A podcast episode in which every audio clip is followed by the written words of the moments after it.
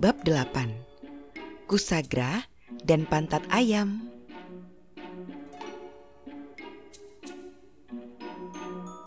Kusagra lagi, tanya ibu, hendak menyentuh pipiku.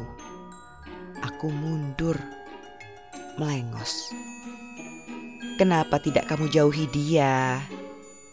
Ibu mengambil kotak obat, duduk di depanku, mengoleskan salep anti lebam. Au, au, au. Pelan-pelan dong, Bu. Sakit. Ibu mendesah. Kenapa kali ini? Kusagra merampas bekal makanan Deika.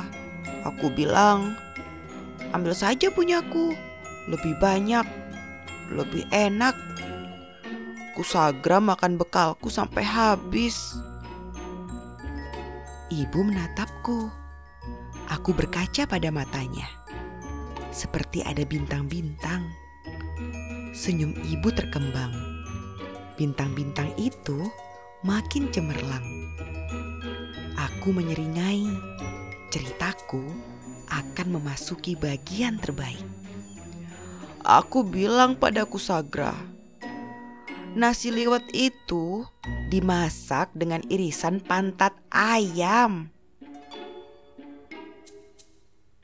Jeda. Efek dramatis. Lalu tawa ibu pecah, lepas tak tertahan, sampai ia harus memegangi perut. Air mata menggenang. Aku senang melihatnya. Sudah 183 hari tidak terdengar gelak ibu. Tawaku menyambungnya. Tidak perlu penjelasan lagi. Ibu tahu apa yang terjadi. Rahasia kecil tentang pantat ayam kami dapat dari ibu Kusagra sendiri. Waktu ia marah-marah kepada penjual daging ayam yang lupa membuang tunggir ayam. Uh, melihatnya saja bikin Kusagra muntah, katanya. Tidak perlu ada pantat ayam sungguhan dalam bekalku. Kekuatan kata-kata dengan sedikit pantomim mengingatkan Kusagra pada bentuk dan fungsi pantat ayam, pada nasi yang sudah ia kunyah dan telan. Mukanya jadi hijau biru, pipinya menggembung, Kusagra memelesat ke toilet.